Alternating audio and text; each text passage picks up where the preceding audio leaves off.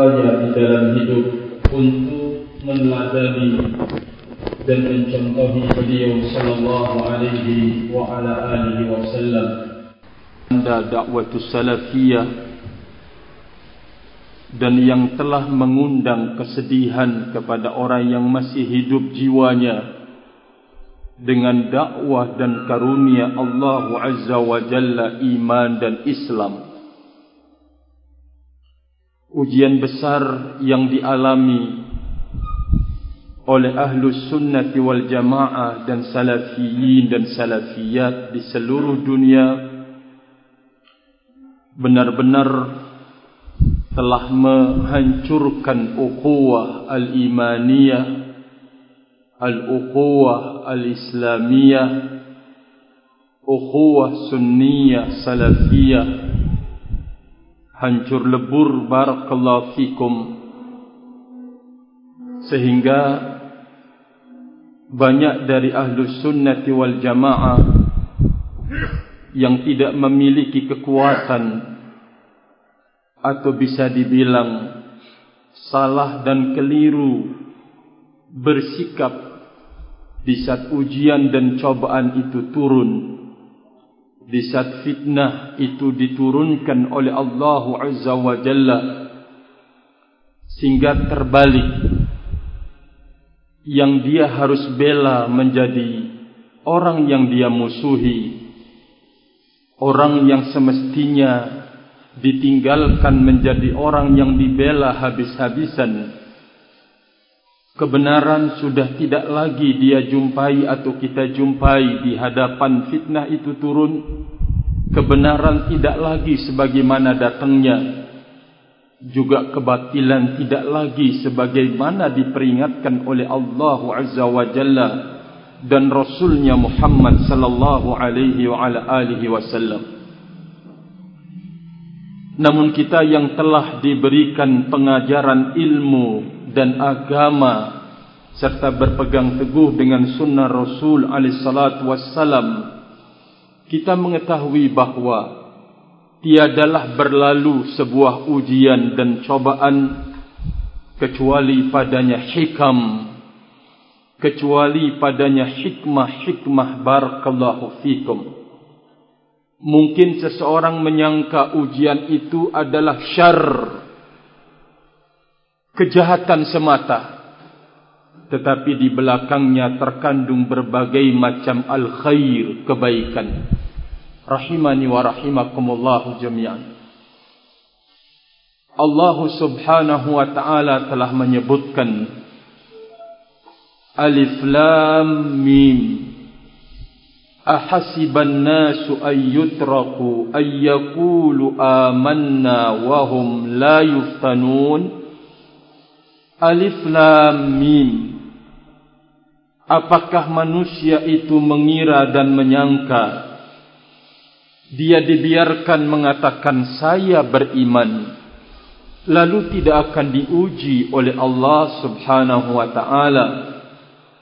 Lalu kami tidak mengujinya kata Allah Subhanahu wa taala Allah menjelaskan sungguh telah kami berikan cobaan dan ujian orang-orang sebelum mereka agar nampak dan jelas agar Allah mengetahui siapa yang jujur dan siapa yang berdusta. Salah satu hikmah adanya ujian dan cobaan itu adalah untuk memisahkan dan membedakan antara orang yang punya sifat kejujuran di dalam agama dan orang-orang yang berdusta di dalamnya barakallahu fikum. Ini di antara hikmah yang disebutkan oleh Allah Azza wa Jalla. Hikmah yang kedua disebutkan juga oleh Allah Azza wa Jalla liyamidhal khabitha minat tayyib ujian dan cobaan itu diturunkan oleh Allah Subhanahu wa taala untuk memisahkan dan membedakan antara yang jelek-jelek dengan yang baik Allah Azza wa Jalla menurunkan ujian dan cobaan untuk membedakan dan memisahkan antara yang jelek dan yang baik. Hikmah barakallahu fikum. Sehingga di saat berkumpul mungkin warnanya semuanya baik.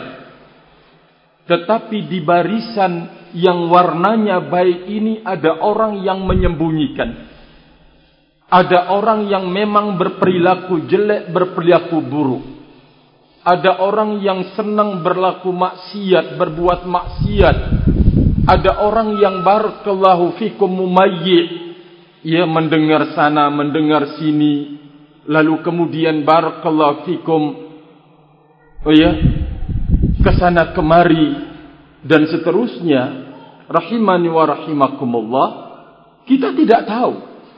Kita solat bersama dia, misalkan muslimin juga taklim duduk bersamanya, kita tidak tahu apa yang tersembunyi di dalam batinnya apa yang dia kerjakan di kesepian rumahnya atau di kegelapan malam kita tidak mengetahui. Tetapi nampak kebaikan pada dirinya nampak kebagusan dari lisannya nampak nampak nampak sebagaimana seorang yang baik dan bagus lahiriah dan batiniahnya. Maka untuk membedakan dan memisahkan yang baik dengan yang buruk itu Allah Azza wa Jalla menurunkan ujian dan cobaan barakallahu fikum. Liyamir al-khabitha min at-tayyib Allah turunkan ujian dan cobaan untuk kemudian memisahkan dan membedakan antara yang berjiwa baik dan yang berjiwa tidak baik rahimani wa rahimakumullah. Yang ketiga, Syekhul Islam Ibn Taymiyah rahimahullahu taala menyebutkan bahwa termasuk di antara hikmah diturunkannya ujian dan cobaan oleh Allah Azza wa Jalla untuk menyingkap apa yang ada pada batin-batin kita apa yang kita sembunyikan selama ini? Apa yang kita maukan selama ini? Apa yang kita inginkan selama ini? Maka Allah Azza wa Jalla ingin kemudian menyingkapnya di permukaan. Karena ini berbahaya di tengah orang-orang yang berbuat kebaikan orang-orang yang menginginkan kebaikan orang-orang yang menginginkan keselamatan menjembunyikan sesuatu yang tidak baik maka Allah Azza wa Jalla akan membongkarnya melalui ujian dan cobaan barakallahu fikum. Kita tidak pernah menyangka, kita tidak pernah menduga kalau darinya kita menimba berbagai macam ilmu. Darinya kita belajar di depan kita duduk misalkan barakallahu fikum. Ternyata di kemudian hari Allah Azza wa Jalla membongkar hakikatnya dengan ujian dan cobaan yang diturunkan oleh Allah Azza wa Jalla. Yang keberikutnya termasuk dari hikmah ujian dan cobaan diturunkan oleh Allah Azza wa Jalla adalah untuk kemudian menampakkan rijal para tokoh-tokoh di dalam dakwah salafiyah di dalam dakwah sunnah wa da'watul athariyah Allah Azza wa Jalla ingin membangkitkan para tokoh-tokoh barakallahu fikum.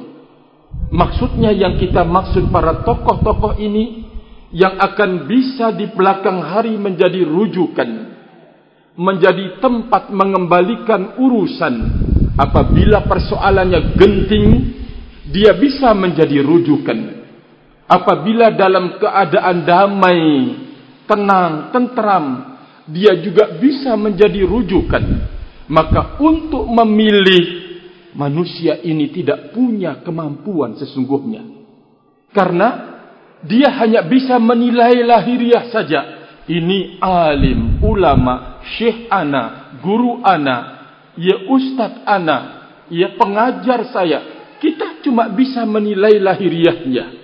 Tetapi apa yang terdapat pada guru kita, jiwanya yang dia sembunyikan, apa yang dia maukan dari diri kita, tidak ada yang mengetahui kecuali Allah Azza wa Jalla.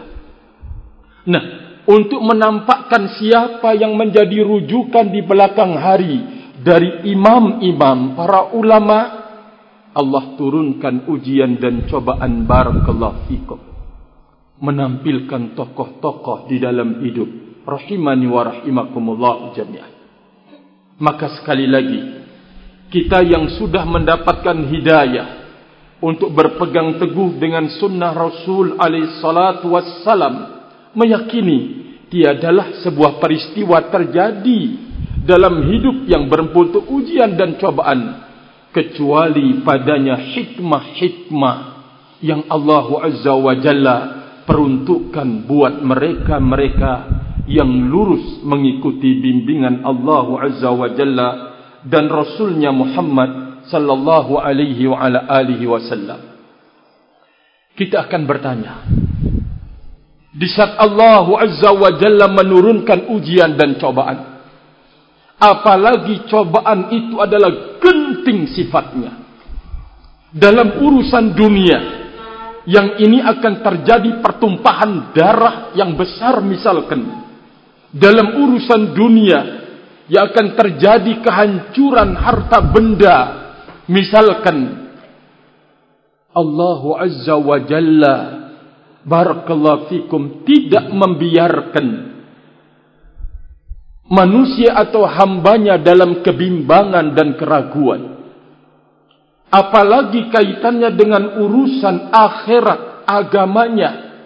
Allah Azza wa Jalla tidak membiarkan orang-orang berada di dalam kebingungan dan kebimbangan. Berarti kita yang sedang dicoba oleh Allah kita yang sedang diuji oleh Allah Azza wa Jalla butuh teman-teman yang akan menyelamatkan kita membantu keselamatan kita yang akan menjadi penegur di saat kita salah yang akan menjadi barakallahu fikum pengerem di saat kita terjatuh mau terjatuh di dalam malah bahaya dan malah petaka. Siapakah teman kita di dalam menghadapi ujian dan cobaan? Maka jawabannya adalah para ulama barakallahu fikum. Allah Azza wa Jalla mengatakan di dalam firman-Nya ja'ahum amrun minal amni awil khawfi adza'u bi. Walau radduhu ila ila ar-rasul wa ila ulil amr min la'alimahu alladhina yastanbitunahu minhum Kata Allah Azza wa Jalla apabila datang sebuah urusan perkara aman atau menakutkan biasanya mereka segera menebarkan ya.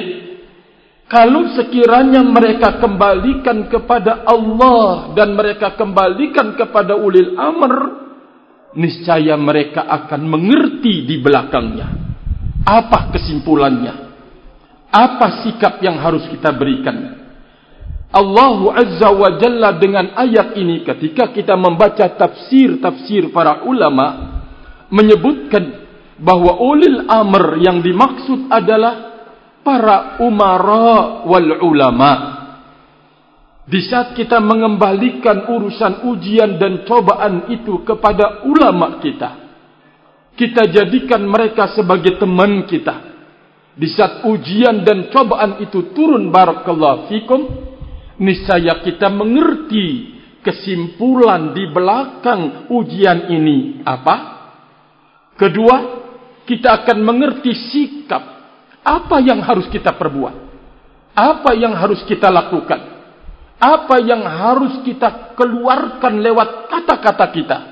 Apa yang kita harus mengerem diri darinya? Barakallahu fikum kalau kita kembalikan kepada al-ulama sebagai marja umat ini. Berarti barakallahu fikum teman kita yang terbaik di saat menghadapi ujian dan cobaan. Mereka adalah para ulama rahimani wa rahimakumullah.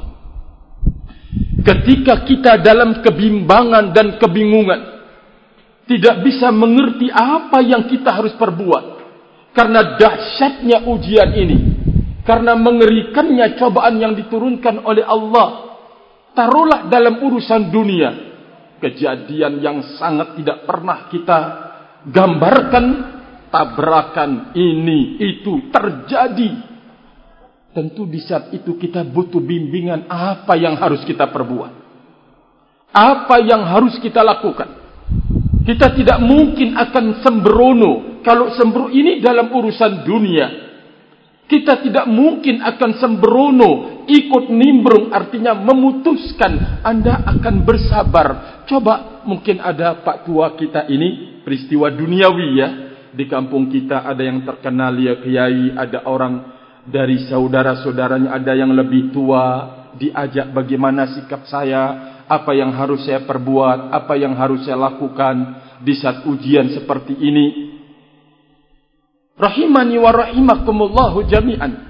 Kaitan dengan urusan dunia, barakallahu fikum. Bagaimana lagi kalau itu kaitannya dengan urusan keselamatan akhirat? Lalu kita mencoba dengan kemampuan kita masuk ke dalamnya. Kita mencoba kemudian untuk ya, mengetahui bagaimana sih saya kepingin menjadi seorang murajih. Orang yang akan bisa keluar, menimbang, melihat, kemudian membaca, mengoreksi siapa yang salah, siapa yang benar. Oh jangan. Engkau tidak akan punya kemampuan untuk melakukan demikian. Barakallahu fikum. Dalam urusan dunia, betapa butuhnya engkau kepada teman sejawat engkau. Mungkin dia adalah orang yang lebih tua umurnya menurut pandangan engkau. Dia banyak pengalamannya tentang dunia, banyak peristiwa hidup yang sudah berlalu pada dirinya. Anda datang bertanya kepadanya, Anda bermusyawarah dengannya, gimana Anda sedang dialami mungkin ya Bapak pernah mengalami seperti ini atau mungkin kami minta bantuan Maksudnya kebutuhan kita kepada orang lain yang akan membantu kita untuk bisa keluar dari ujian duniawi. Kalau saja dalam urusan dunia kita melakukan hal itu dan memang wajar. Dan itu memang tuntunan dan tuntutan. Bagaimana lagi kalau dalam urusan agama dan keselamatan? Rahimani wa rahimakumullahu jami'an. Maka betapa banyak orang-orang yang kemudian di saat mendapatkan ujian dan cobaan dia menampilkan diri seolah-olah alimun nihrir. Seorang alim yang mampu menilai. Seorang alim yang mampu akan menyimpulkan. Seorang alim yang mampu akan bisa mengeluarkan umat. Misalkan dari berbagai macam problem. Cerdas, pintar orangnya, wah dalilnya. Tunggu sebentar. Di saat ujian itu turun, dibutuhkan orang-orang yang punya fan, punya bidang padanya. Punya keahlian di dalamnya. Punya jejak-jejak di dalamnya. Yang akan mampu mengeluarkan kita dari ujian dan cobaan itu. Barakallahu fikum. Kita butuh orang yang punya sejarah emas di dalam menyelesaikan problem-problem problem-problem hidup atau di dalam menyelesaikan dan tentu setelah Allah menyelamatkan umat ini dari berbagai macam ujian dan cobaan itulah para ulama barakallahu fi oleh karena itu kalau engkau bingung kalau engkau tidak mengerti ilmunya kalau engkau barakallahu fikum ingin tahu peristiwanya Allah Azza wa Jalla mengatakan fas'alu. Terus? Ahla dzikri in kuntum la ta'lamun. Bertanya kepada ahlinya jika kalian tidak mengetahui rahimani wa rahimakumullahu jami'an. Allah Azza wa Jalla sekarang melalui ayat tadi dan ayat-ayat yang lain serta hadis-hadis Nabi sallallahu alaihi wasallam kita diberikan sebuah faedah yang sangat besar yaitu yang menyuruh kita untuk merujuk di dalam urusan agama kita segala ujian dan cobaan di dalamnya atau di dalam tenang dan tentram berbicara tentang hukum-hukum di dalamnya Allah Azza wa Jalla dan Rasulnya menyuruh kita untuk merujuk kepada al-ulama. Merujuk barakallahu fikum kepada al-ulama kita diperintahkan merujuk kepada ulama. Maknanya adalah kita tidak mentaklid mereka. Tidak taklid buta ikut-ikutan. Dan tidak pula kemudian Allah memerintahkan merujuk kepada ulama lalu kemudian menjadi muta'assib. Orang yang asabiyah padanya fanatik. Oh enggak lalu bagaimana konsep rujuk kepada para ulama? Al-Imam Malik rahimahullahu taala telah memberitahukan kepada kita konsep bahawa tidak ada seorang pun dari bashar manusia ini ya tidak ada seorang pun kecuali ucapannya diterima dan juga ucapannya yutrak ditinggalkan kecuali ucapan pemilik kuburan ini beliau mengisyaratkan kepada siapa kuburannya siapa? Kuburannya Nabi sallallahu alaihi wasallam. Kecuali ucapan ini, dia adalah manusia, tetapi ucapannya berbeda dengan umat ucapan umatnya dari manusia. Ya.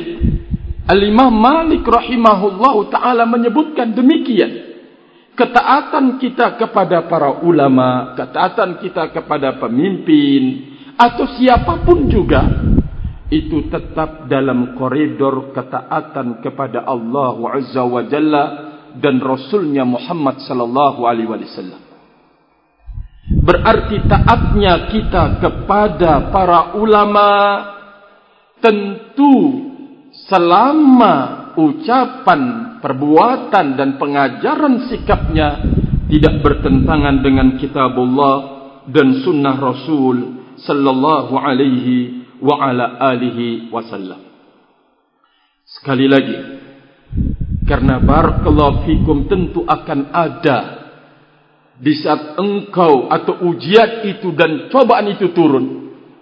Engkau berusaha untuk mencari bimbingan dari al-ulama yang fiqah, yang terpercaya, yang punya sejarah-sejarah emas dalam banyak peristiwa barakallahu fikum dan dia adalah sahibul hujjah tidak menutup kemungkinan kembalinya engkau dan mengembalikannya ke ulama tersebut akan dituding sebagai seorang muqallid taklid atau dituding sebagai seorang muta'assib asabiyah rahimani wa rahimakumullahu jami'an jadi sekali lagi bahwa ucapan al-Imam Malik rahimahullah menjelaskan bahwa al-ulama itu yusibu wa yukhti akan bisa tersalah bisa salah dan bisa juga benar. Ulama barakallahu fikum fama bal nahnu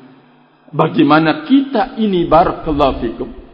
Oleh karena itu di saat kita kembali diperintahkan kembali kepada ulama di saat ulama itu mengajarkan kita as-sawab yaitu benar dan kita tidak merujuk kepadanya tidak mengambil ucapannya tidak menerima ucapannya kalau ucapannya itu bertentangan atau ucapannya itu salah dan keliru barakallahu fikum ini yang kita pelajari ini yang kita tahu dari anugerah manhaj ini bahwa ulama itu bukan orang maksum. Kan itu yang kita pelajari. Itu yang kita ketahui. Bahwa ulama itu bukan orang maksum. Dia adalah manusia biasa. Dihinggapi salah dan juga barakallahu fikum mereka bisa benar. Lalu sikap yang sudah kita ambil melalui ilmu yang kita pelajari bahwa kita wajib untuk mengikuti yang benar dan kita wajib untuk meninggalkan yang salah dan keliru.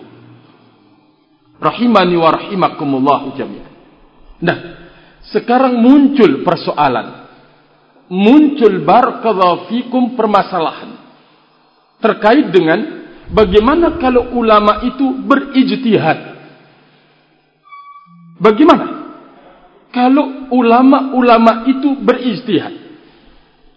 Kita barakallahu fikum dengan ilmu yang sudah kita pelajari bahwa kita wajib untuk mengikuti hasil ijtihad yang benar yang sesuai dengan dalil dan kita tidak boleh mengikuti hasil ijtihad yang salah dan keliru rahimani wa rahimakumullah jami'an ini kan yang sudah kita ketahui jangan sampai kemudian kita lupa barakallahu fikum kenapa di saat ada orang nanti berbeda dengan kita.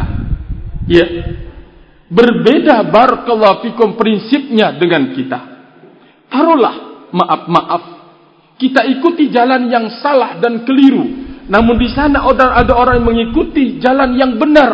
Kita dalili dia, kita gugat dia untuk membela diri, membela diri kita, membela yang kita bela. Loh, ulama itu kan bukan nabi. Ulama itu bukan maksum. Ulama itu kan bisa salah, bisa juga keliru. Ya akhi, anda ini ahlus sunnati wal jamaah. Kalau sekiranya dia yang mungkin berada di dalam kebenaran, ulama yang diikuti benar, bisa salah dan bisa keliru, ya terus ulama anda dan anda sendiri jadi maksum. Ini kan tidak tepat. Ini bukan cara-cara dan langkah-langkah ahlus sunnati wal jamaah untuk menggugat barakallahu. Ini namanya tidak punya dalil rahimani wa rahimakumullah jami'ah.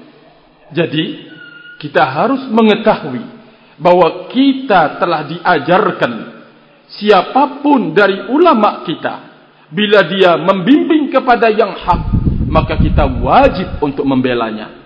Wajib untuk kemudian menerima bimbingannya. Siapa saja dari mereka yang membimbing kita yang salah dan keliru, maka kita wajib untuk kemudian menolaknya barakallahu fikum. Rahimani wa rahimakumullah. Terus coba kita lihat. Tadi sudah kita sebutkan, kita tahu bahwa ini adalah cara-cara seperti tadi menuding, menuduh bahwa dia kan bukan orang maksum manusia biasa bisa salah, bisa ini. Ya, benar. Tetapi apa toh yang anda maukan?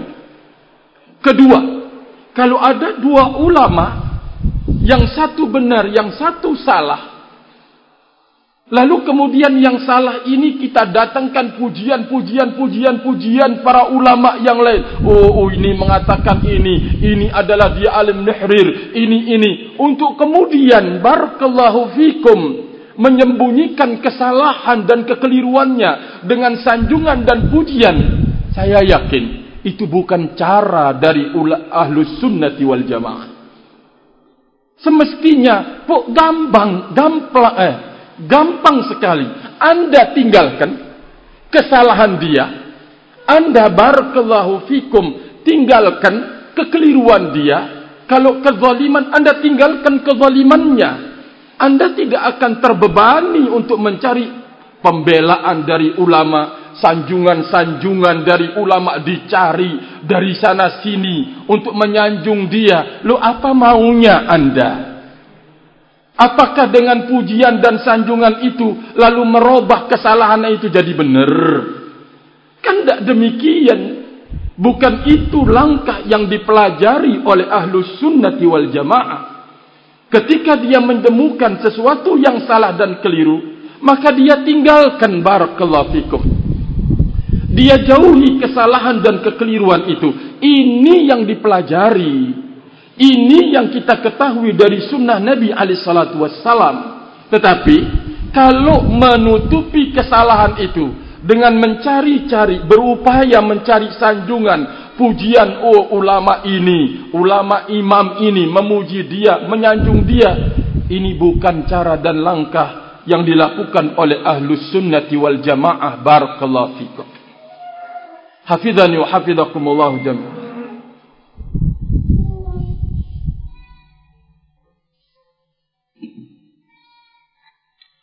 Permasalahan yang keberikutnya. Persoalan bisanya kita kembali kepada ulama. Jangan antum menyangka bahwa itu kemauan guru saya. Jangan. Kembalinya kita kepada ulama. Jangan mengatakan bahwa itu keinginan kedua orang tua saya. Jangan. Mungkin anda mengatakan itu loh keinginan dari guru saya. Tidak yang memerintahkan engkau untuk kembali kepada para ulama adalah siapa tadi? Allah Azza wa Jalla dan Rasulnya Muhammad sallallahu alaihi wasallam berarti ini sudah ada hidayah dari Allah. Ada hidayah al-irsyad dari Allah Azza wa Jalla untuk engkau mengembalikan urusan kepada para ulama. Tinggal sekarang menunggu hidayah yang keberikutnya. Hidayah apa?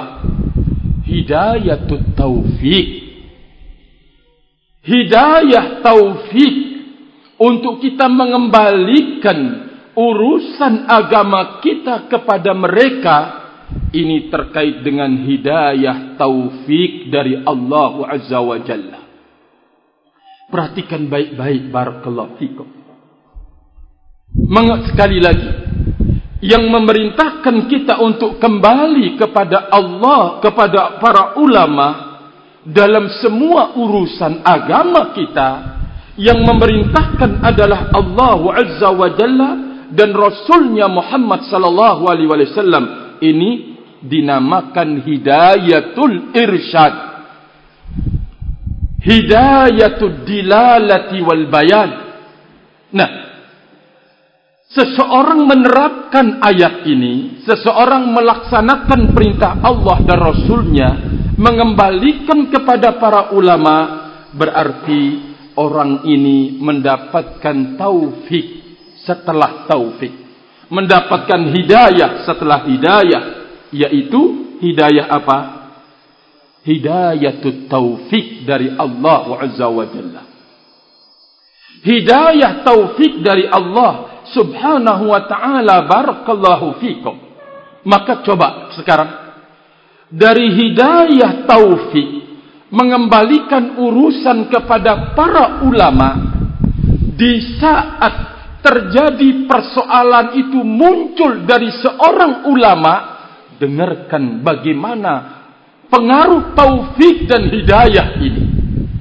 Rahimani wa rahimakumullah jami'an di saat ujian dan cobaan itu sekarang barisan para ulama.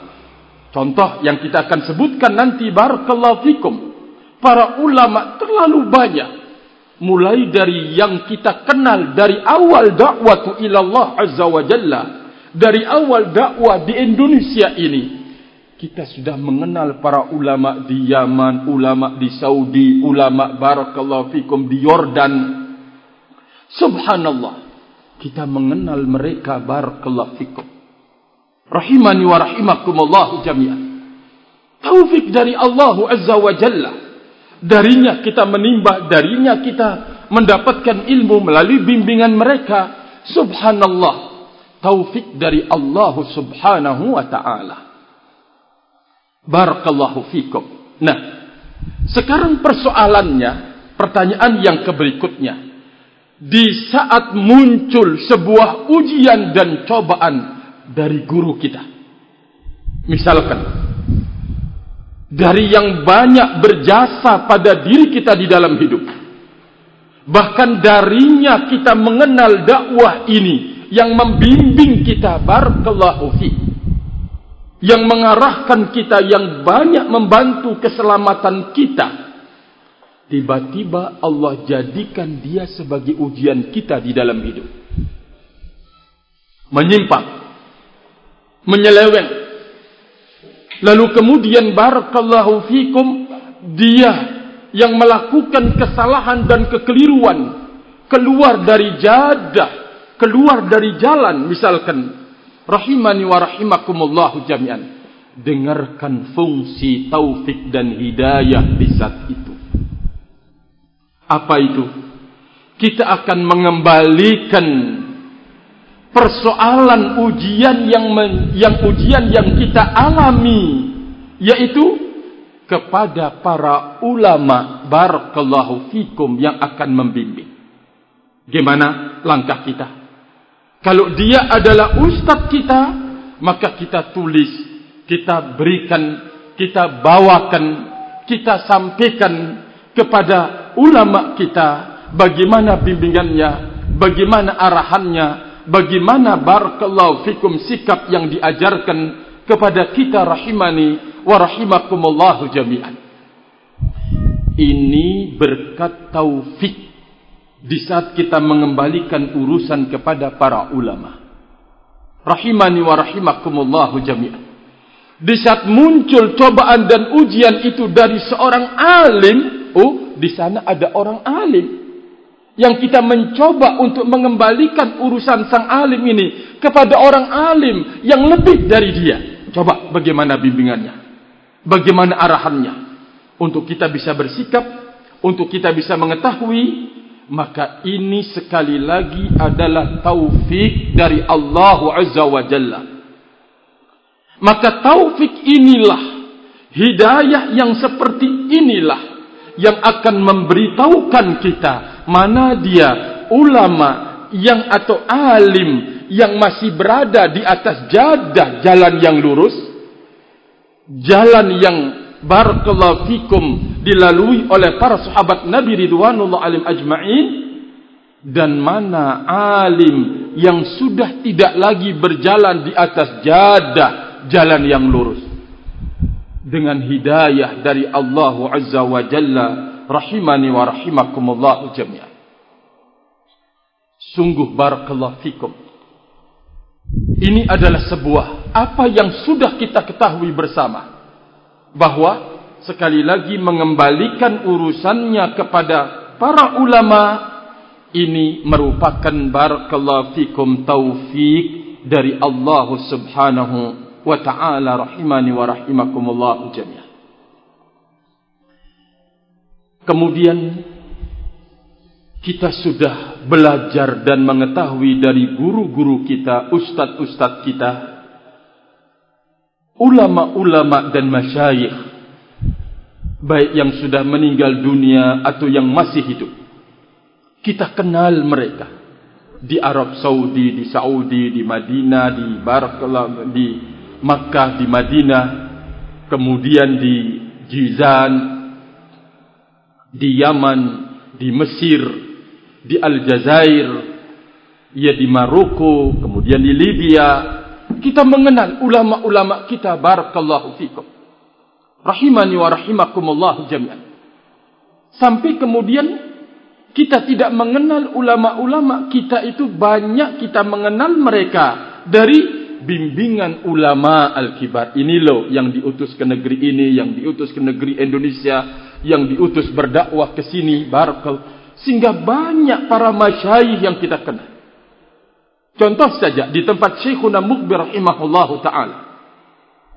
Banyak ulama-ulama al-mustafi, mustafidun, ulama-ulama yang itu merupakan muridnya Syekhuna Mukbir rahimahullahu taala. Barakallahu fikum. Pujiannya, sanjungannya, gelar-gelar di masa hidup Syekh Mukbir rahimahullah kita dengar barakallahu fikum pada ulama-ulama yang ada di Yaman.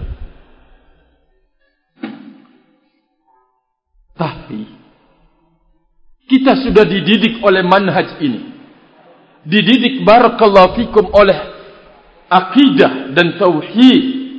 Siapapun yang salah dan keliru, maka kita wajib kemudian untuk mengikuti al-haq. Dari murid-murid Syekhuna Mukbir rahimahullahu taala yang pertama kali muncul ya walaupun tidak lama ia belajar Abdul Hasan Al-Ma'ribi. Abdul Hasan Al-Ma'ribi barakallahu fikum. Muncul. Menyuarakan fitnah. Menghabisi rahimani wa rahimakumullah membikin kaidah-kaidah yang mencela ulama ahli sunnati wal jamaah membantu ahlul bid'ah wal ahwa ya memberikan amunisi kepada ahlul bid'ah wal ahwa. Di sisi yang lain Abdul Hasan Al-Ma'ribi dengan kaidah-kaidah yang dibikinnya atau yang diletakkannya telah me ia mencela dan mencerca ulama-ulama dan masyayikh-masyayikh ahlus sunnati wal jamaah. Hafizani wa hafizakumullah jami'an. Ulama kita berbicara. Allah Azza wa Jalla masih memberikan kita taufiknya untuk kemudian dengan itu kita meninggalkan Abdul Hasan Al-Ma'ribi. Tidak ada rasa berat. Karena para ulama kita sudah berbicara barakallahu fikum. Masih sekitar di Yaman muncul fitnahnya Yahya Al-Hajuri. Maaf-maaf, kita tahu dan kita pernah duduk belajar. Masya Allah. Kalau dari sisi manhaj, mengajar manhaj, kita tahu barakallahu fikum bagaimana dia. Tapi di saat kemudian Yahya Al-Hajuri ini mengeluarkan sesuatu keanehan dan keganjilan barakallahu fikum. Sekali lagi kita diberikan taufik oleh Allah Azza wa Jalla untuk meninggalkan Yahya Al-Hajuri. Habis para ulama melalui lisan kotor dari Yahya Al-Hajuri. Sekali lagi yang menggantikan kedudukan Syekh Mukbil rahimahullah di ma'hadnya, di kursinya dia. Tetapi di saat kemudian barakallahu fikum berada di dalam kesalahan dan kekeliruan. Lalu kemudian para ulama dengan sabar mengingatkan dan menasihatinya tidak tetap tidak mau rujuk kepada al-haq maka Allah berikan taufik kepada kita untuk kemudian meninggalkannya sebagaimana peringatan para ulama rahimani wa rahimakumullah kita tidak ada rasa berat kita tidak ada rasa berat barakallahu fikum karena apa yang kita akan bela yang kita akan maukan pada diri kita adalah keselamatan kita menginginkan bimbingan yang mengarahkan kepada keselamatan. Yo di sana tentu ada para pembela-pembela Abdul Hasan Al-Ma'ribi, pembela Yahya Al-Hajuri ada. Tapi disitulah kita melihat pepatah yang mengatakan guru kencing berdiri lari eh apa murid kencing berlari habis dengan lisan celaan dan cercaan kepada para ulama. Ya, tidak usah nanya Syekh Robi'nya, Syekh Ubaidnya, habis. Barakallahu fikum. Celaan dan cercaan dari Yahya Al-Hajuri rahimani wa rahimakumullah jami'an. Alhamdulillah dengan taufik dari Allah Azza wa Jalla. Allah Azza wa Jalla memberikan kembali kita taufik untuk meninggalkan Yahya Al-Hajuri rahimani wa rahimakumullah. Masih di Yaman, ini dari murid Syekhuna Mukbir rahimahullah ta'ala yang dulu mendapatkan sanjungan pujian yang luar biasa. Kita dengar penghormatan Al-Imam Mukbir terhadap mereka-mereka ini luar biasa barakallahu fikum. Rahimani wa rahimakumullah. Okay yaitu fitnahnya Muhammad al-Imam. Fitnah Muhammad al-Imam rahimani wa rahimakumullah jami'an. Subhanallah demikian juga. Mungkin kalau dari sisi apa istilahnya itu kalau melekat itu Ustaz Aban melekat di hati apa nge ngepen apa Hah? apa istilahnya fans ya fans subhanallah ya tidak ada dari ulama Yaman. Ia tentu tidak menafikan yang lain ya. Karena ngefannya. Barakallahu fikum wah. Saya kumpulkan Syekhuna Mukbil Muhammad al-Imam. Syekhuna Mukbil Muhammad. Kaset-kaset dulu. Rahimani wa rahimakumullahu jami'an. Kita kumpulkan. Karena dia adalah gurunya kita. Dia yang mengajar. Barakallahu fikum. Dia yang memberikan bimbingan.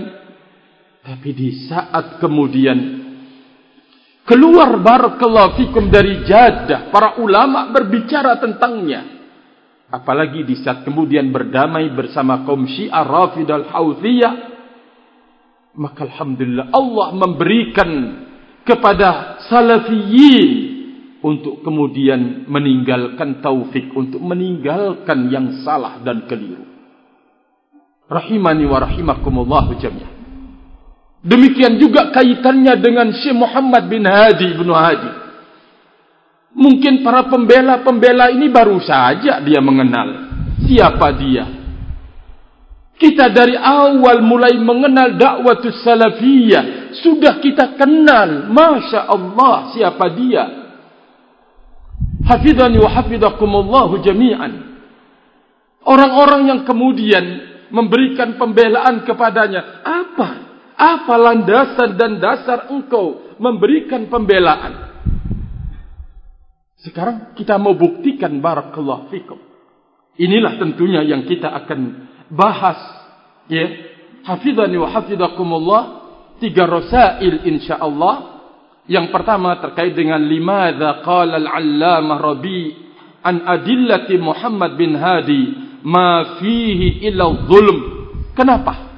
Ya, yang ditulis oleh Syekh Fawaz bin Ali bin Ali Al-Madkhali hafizahullah taala dan yang kedua hal sabat al-kadhib ya apakah apa namanya benar-benar ada kedustaan pada diri Muhammad Dr. Muhammad bin Hadi yang ditulis oleh Syekh Zakaria Al-Yamani dan yang ketiga belum datang kopiannya barakallahu fikum Ya, ringkas rahimani wa rahimakumullah tentu dengan hujah dan bukti-bukti mereka barakallahu fikum berbicara.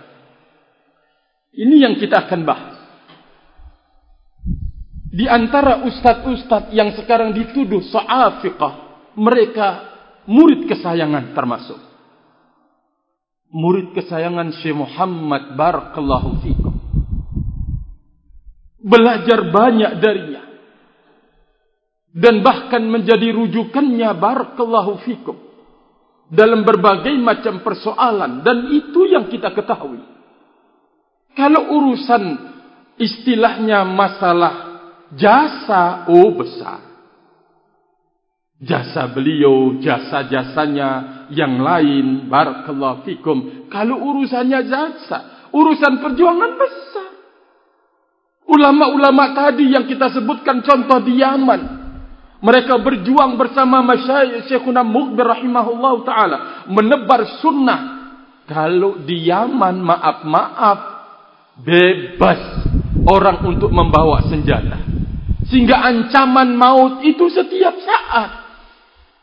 Mereka terjun berjuang bersama Syekhuna Mughbir rahimahullah taala menebar sunnah Nabi alaihi salatu wassalam. Falamma akhtau di saat mereka salah, lalu tidak mau kembali dan tidak mau rujuk dari kesalahannya, Anda meninggalkannya. Engkau juga meninggalkannya. Mereka juga meninggalkannya. Kenapa? Mereka tinggalkan. Karena dia slow. Bukankah dia telah berjasa? Bukankah dia adalah pejuang? Bukankah di antara mereka ada yang memang pantas untuk disebut kibar ulama?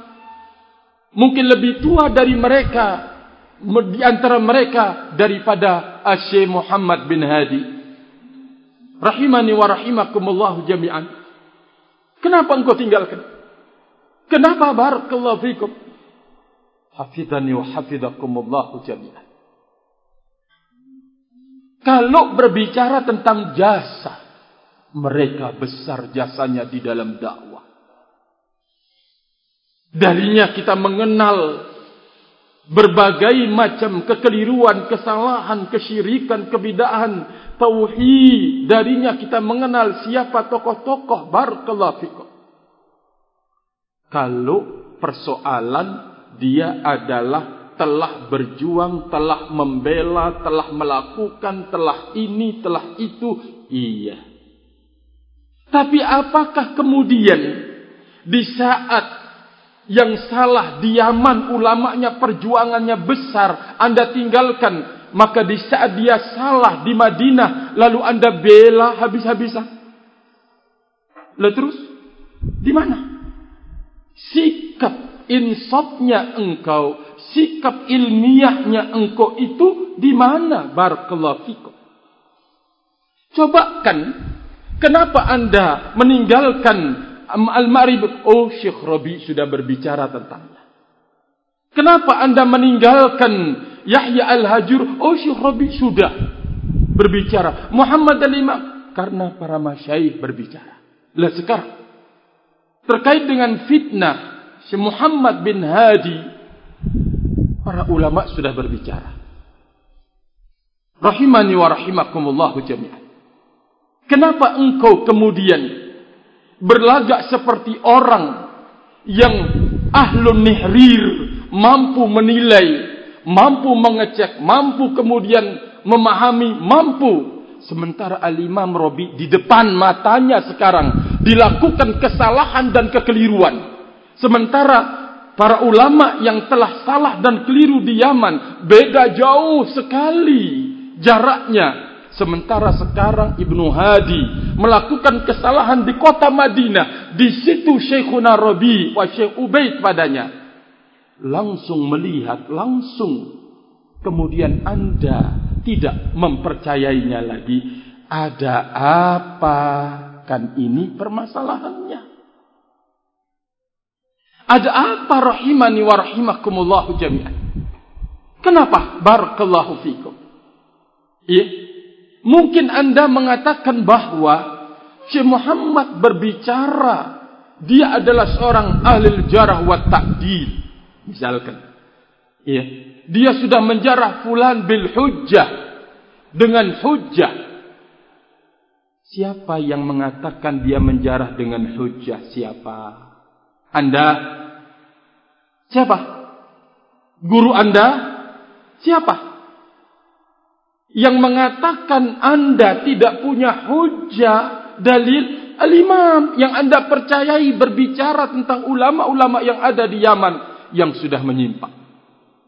Dia yang menjelaskan kepada engkau. Kita akan sebutkan ucapan beliau barakallahu fikum dalam risalah yang kita baca pertama limadha qala al-allamatu rabi an adillati Muhammad bin Hadi ma fihi illa zulm. Tidak ada kezaliman tidak ada kecuali pada hujahnya itu kezaliman. Yang mengatakan demikian yang anda percaya dalam fitnahnya al-ma'ribi yang anda percaya dalam fitnahnya Yahya al-Hajuri fitnahnya Sayyid Qutub fitnahnya Adnan Ar'ur fitnahnya Salman al-Audah fitnahnya Abdul Rahman Abdul Khalik juga yang anda percaya dalam fitnahnya Ja'far Umar Talib yang anda percaya dalam fitnahnya Zulkarnain. Dia yang mengatakan bahwa Muhammad ibn Hadi tidak punya dalil. Wala nisab hujjah dalil. Walaupun setengahnya tidak punya dalil. Ya? yeah berbagai muncul. Oh, belum sampai semua hujah-hujahnya ke Syekh Robi. Ya Allah. Kok sekarang anda meragukan dia? Sekarang anda bisa dibimbing menuju keselamatan. Dia kemudian berlagak menjadi seorang ahlu ya tatabbut. Mana sih kaset ucapan beliau? Mana ucapannya? Mana? Masya Allah. Ini laga barakallahu fikum. Gaya. Ya, padahal dia tidak tahu sama sekali. Kalau sang pemilik pembicara saja enggak punya hujah kata zakal imam apa mungkin sing pembelanya itu akan punya hujah terus hujah dia membela itu apa barakallahu fikum tapi kan tidak diperhatikan berlagak bergaya menjadi ahlu tasabut mana ya ucapan Syekh Rabi kita kepingin dengar suaranya kita tidak mau cuma tulisan-tulisan ya Allah berlagak seperti orang yang ahlu tazabud. Sementara dia dapat informasi dari orang yang gak jelas. Siapa ini, siapa itu gak kenal dia. Siapa ini orang ini, dia gak kenal. Ya, tidak ada istilah tazabud. Tapi ketika ucapan Syekh Rabi keluar, berlagak menjadi ahlu tazabud.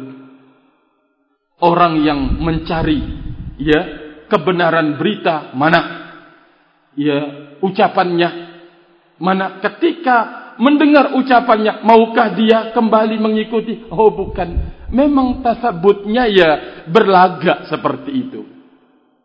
Jadi ini barakallahu fikum kalau kita mau apa namanya mengatakan dengan bahasa jelek-jelek ya semestinya. Tapi bukan itu kita dididik tidak seperti itu. Ini sikap-sikap dusta sesungguhnya. Tetapi kita tidak dididik seperti itu. Untuk kemudian mengatakan barakallahu fikum kalimat-kalimat kotor, kalimat-kalimat jelek rahimani wa rahimakumullahu jami'an. Nah, hafizani wa hafizakumullah, kita telah berlalu dan melalui berbagai macam bentuk fitnah di dalam dakwah sunnah wa dakwah salafiyah. Rahimani wa rahimakumullahu jami'an. Jadi kita sudah melalui fase-fase ujian di dalam dakwah ini. Kita ahlu sunnati wal jamaah harus benar-benar meneropong selalu diri kita. Mengecek, mengulangi, memeriksa. Kita khawatir kita akan dicoba dan diuji oleh sebuah ujian yang kita tidak bisa keluar darinya. Kita tidak mampu menyelamatkan diri barakallahu fikum berbagai macam ya alasan-alasan bermunculan wasyarabi belum membaca semua hujahnya Ibnu Hadi Muhammad bin Hadi. Ini dipercaya kalimat ini. Sementara Syekh Rabi mengatakan qara'tu harfan harfan harfan. Huruf demi huruf saya baca. Saya tidak menjumpai mana kasetnya mana buktinya. Haji aneh memang.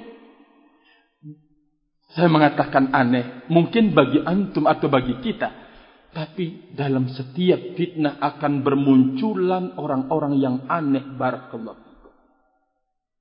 Dalam setiap fitnah. Mesti ada orang-orang yang aneh. Yang kita tidak pernah menyangka dan menduga. Barakallahu fikum. Namun ini pelajaran yang sangat berharga.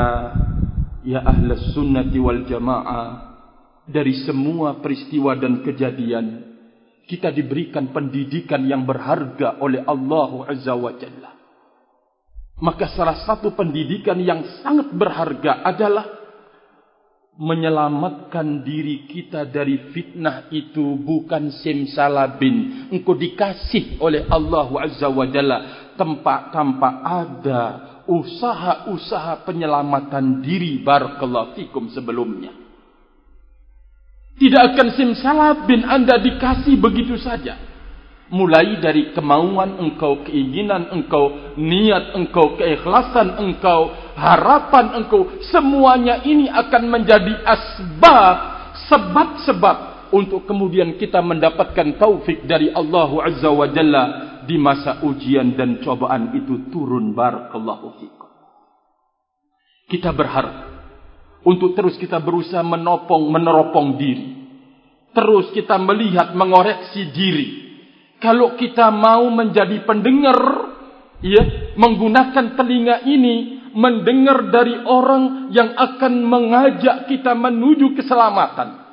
Jangan dengar dari orang yang barakallahu fikum tidak mengerti persoalan berlagak menjadi orang pintar. Berlagak menjadi orang yang mengetahui. Ahlu tasabbut orang-orang yang hebat tingkat tasabutnya ajib rahimani wa rahimakumullahu jami'an. Ingin menjadi seseorang yang mampu mengetahui coba dibawakan ya ucapan kedua ucapan. Ya akhi anda ini siapa? Barakallahu fikum.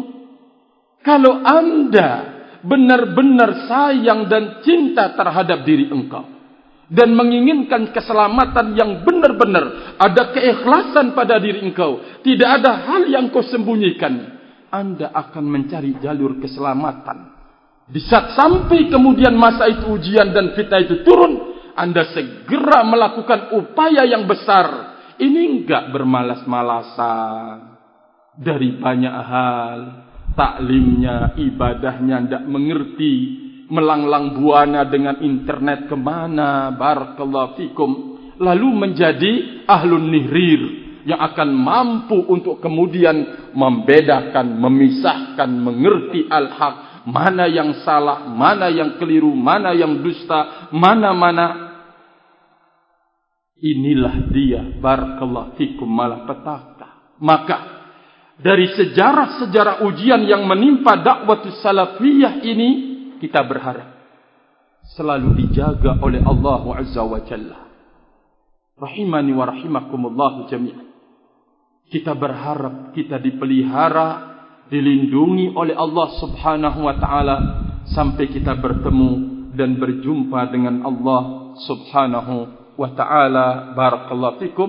Saya bacakan mukaddimahnya saja Fawaz bin Ali bin Ali Al-Madkhali untuk kita saya terpaksa lewat HP ini. Ya, barakallahu fikum. Kata beliau, Bismillahirrahmanirrahim. Saya bacakan dan saya terjemahkan. Kemudian kita langsungkan barakallahu fikum. Tadi mukaddimah terkait dengan ya daurat kita pada hari-hari ini. Kita mencoba untuk membaca rasail risalah-risalah. Alhamdulillahilladzi harrama zulma ala nafsihi. وجعله بين العباد محرما. وأشهد أن لا إله إلا الله وحده لا شريك له فاطر الأرض والسماء. وأشهد أن سيدنا ونبينا محمدا عبد الله ورسوله الذي دعا إلى احترام الأموال والأعراض والدماء. وصلى الله وسلم وبارك عليه وعلى آله وصحبه العلماء والزهاد الحكماء. amma ba'du. Segala puji bagi Allah azza wa jalla yang telah mengharamkan kezaliman atas dirinya dan telah menjadikan kezaliman itu haram di antara hamba-hambanya. Dan aku bersaksi bahwa tidak ada sembahan yang benar kecuali Allah semata pencipta langit dan pencipta, pencipta bumi dan pencipta langit dan saya bersaksi bahawa sayyidana wa nabiyyana Muhammad sallallahu alaihi wasallam adalah rasulnya Allah menyeru kepada menghormati harta kehormatan dan darah. Wa sallallahu wasallam wa barik ala alaihi wa ala alihi wa sahbihi al ulama wa zuhad al hukama amma ba'du. Kata beliau faqad qala fadilatu shaykhina al-allamah Rabi' ibn Hadi al-Madkhali hafizahullah an adillati Muhammad ibn Hadi al-Maz'umah ana qara'tuha harfan harfan ma wajadtu indahu wala dalil qara'tu kalamahu harfan harfan harfan harfan ma indahu wala nisfu dalil abadan Kata Al-Syeikh Fawaz Hafizahullah Sungguh telah berkata Fadilatu Syekhin Al-Allamah Rabi' Ibn Hadi Al-Madqali Tentang dalil-dalil Muhammad Ibn Hadi Al-Maz'umah Yang dianggap sebagai dalil Kata Syekh Rabi' Hafizahullah Saya telah membaca Huruf per huruf Dan aku tidak menjumpai padanya satu dalil pun.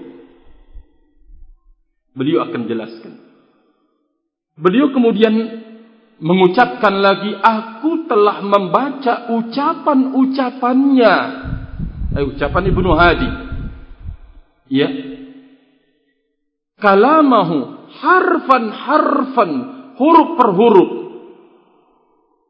saya tidak menemui ama indahu dia tidak memiliki walaupun sepotong dalil abadan ya?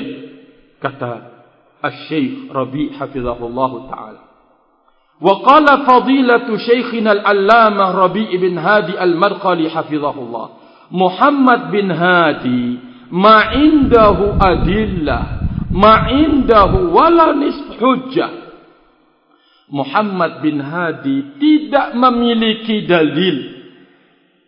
Tidak memiliki walaupun setengah hujjah Qul hatu burhanakum in kuntum sadiqin Katakan ayo datangkan bukti dan hujjah-hujjah kalian jika kalian adalah orang-orang yang jujur kata Syekh Rabi hafizahullah hajuhum bihadhil ayat. Gugat mereka dengan ayat ini. Ayo.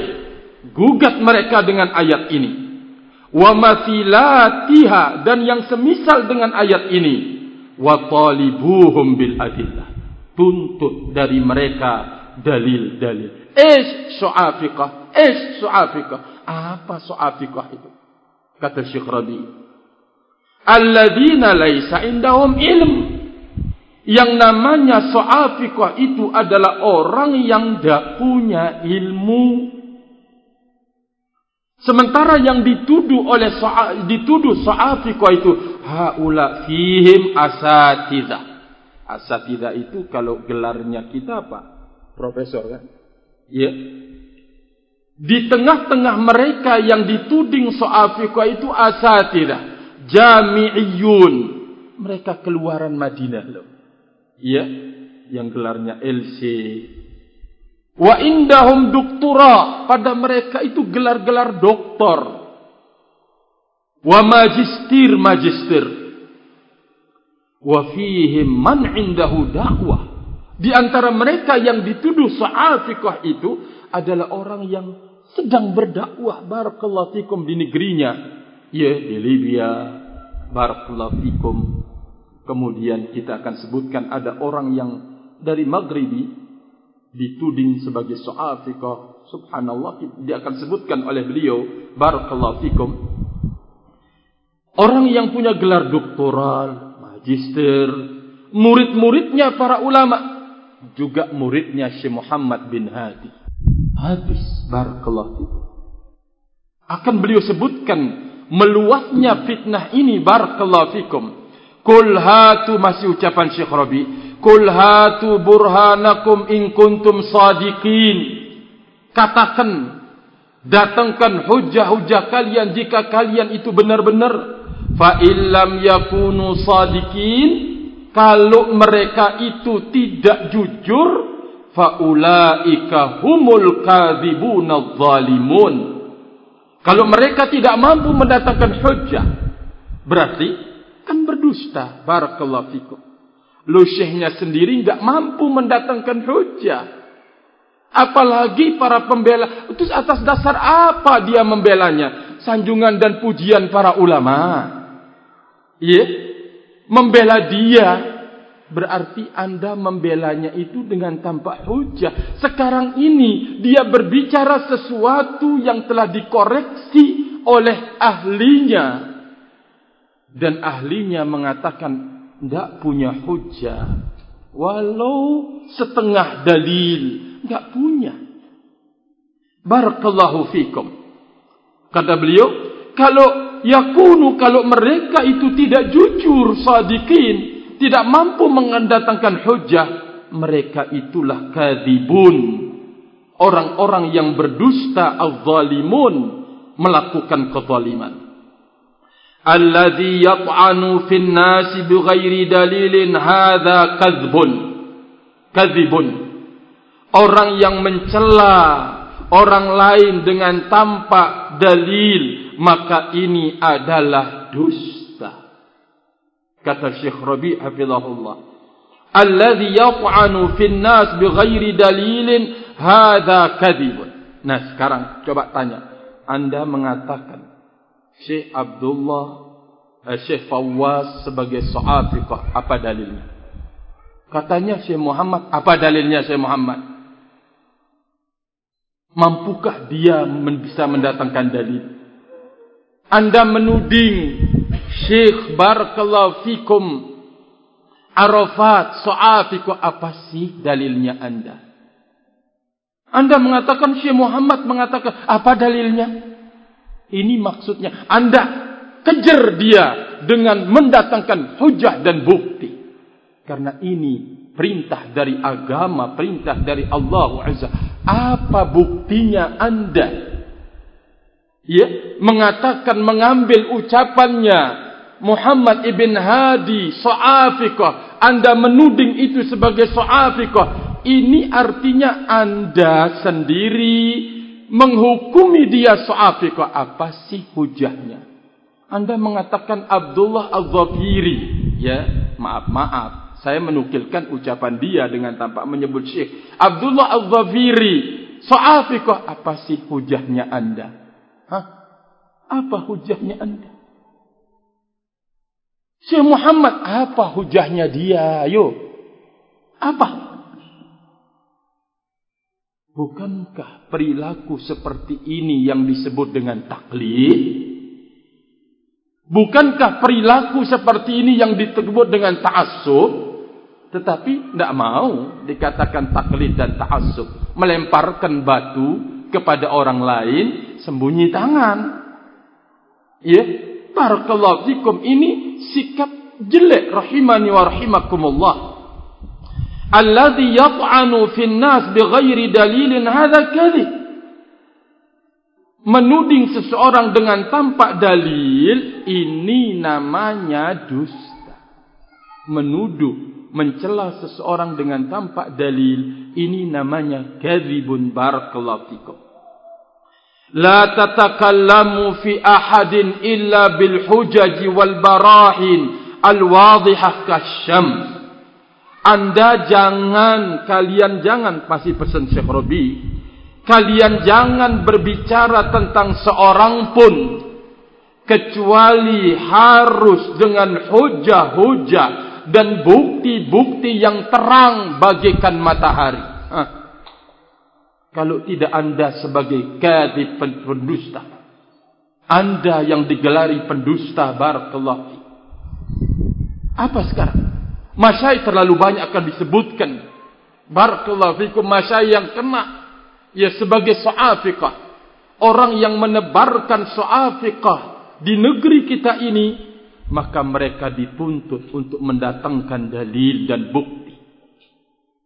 Kalau tidak, maka dia adalah kazabun, orang-orang yang berdusta.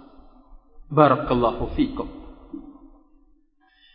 Muhammad bin Hadi ma indahu syai' ma indahu dzurratu dalil.